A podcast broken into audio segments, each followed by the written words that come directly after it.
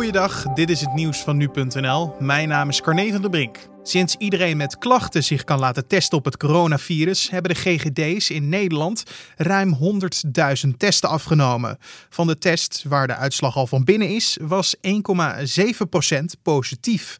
Het RIVM ziet grote regionale verschillen in een aantal positieve testen. Zo valt de regio rond Den Haag op, waar het percentage positieve testen tussen de 3 en 4 procent ligt.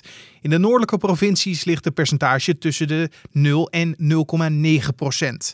Waarom deze verschillen precies zijn ontstaan, kan het RIVM nog niet zeggen.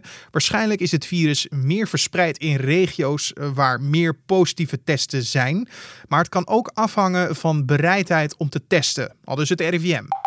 De Chinese autoriteiten hebben een nieuwe uitbraak van COVID-19 in Peking omschreven als extreem ernstig. Delen van de Chinese hoofdstad zijn maandagavond afgesloten. Gelegenheden voor sport en vermaak in de hele stad zijn dicht en reizen is aan banden gelegd.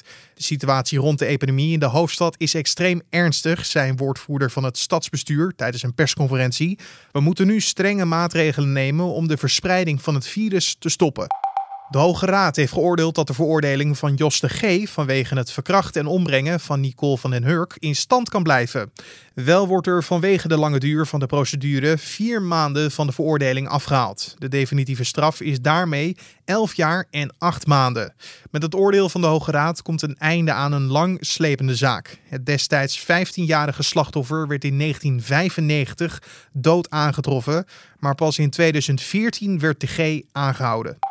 Het Spaanse parlement heeft voor de derde keer een parlementair onderzoek naar de financiën van de voormalige koning Juan Carlos tegengehouden.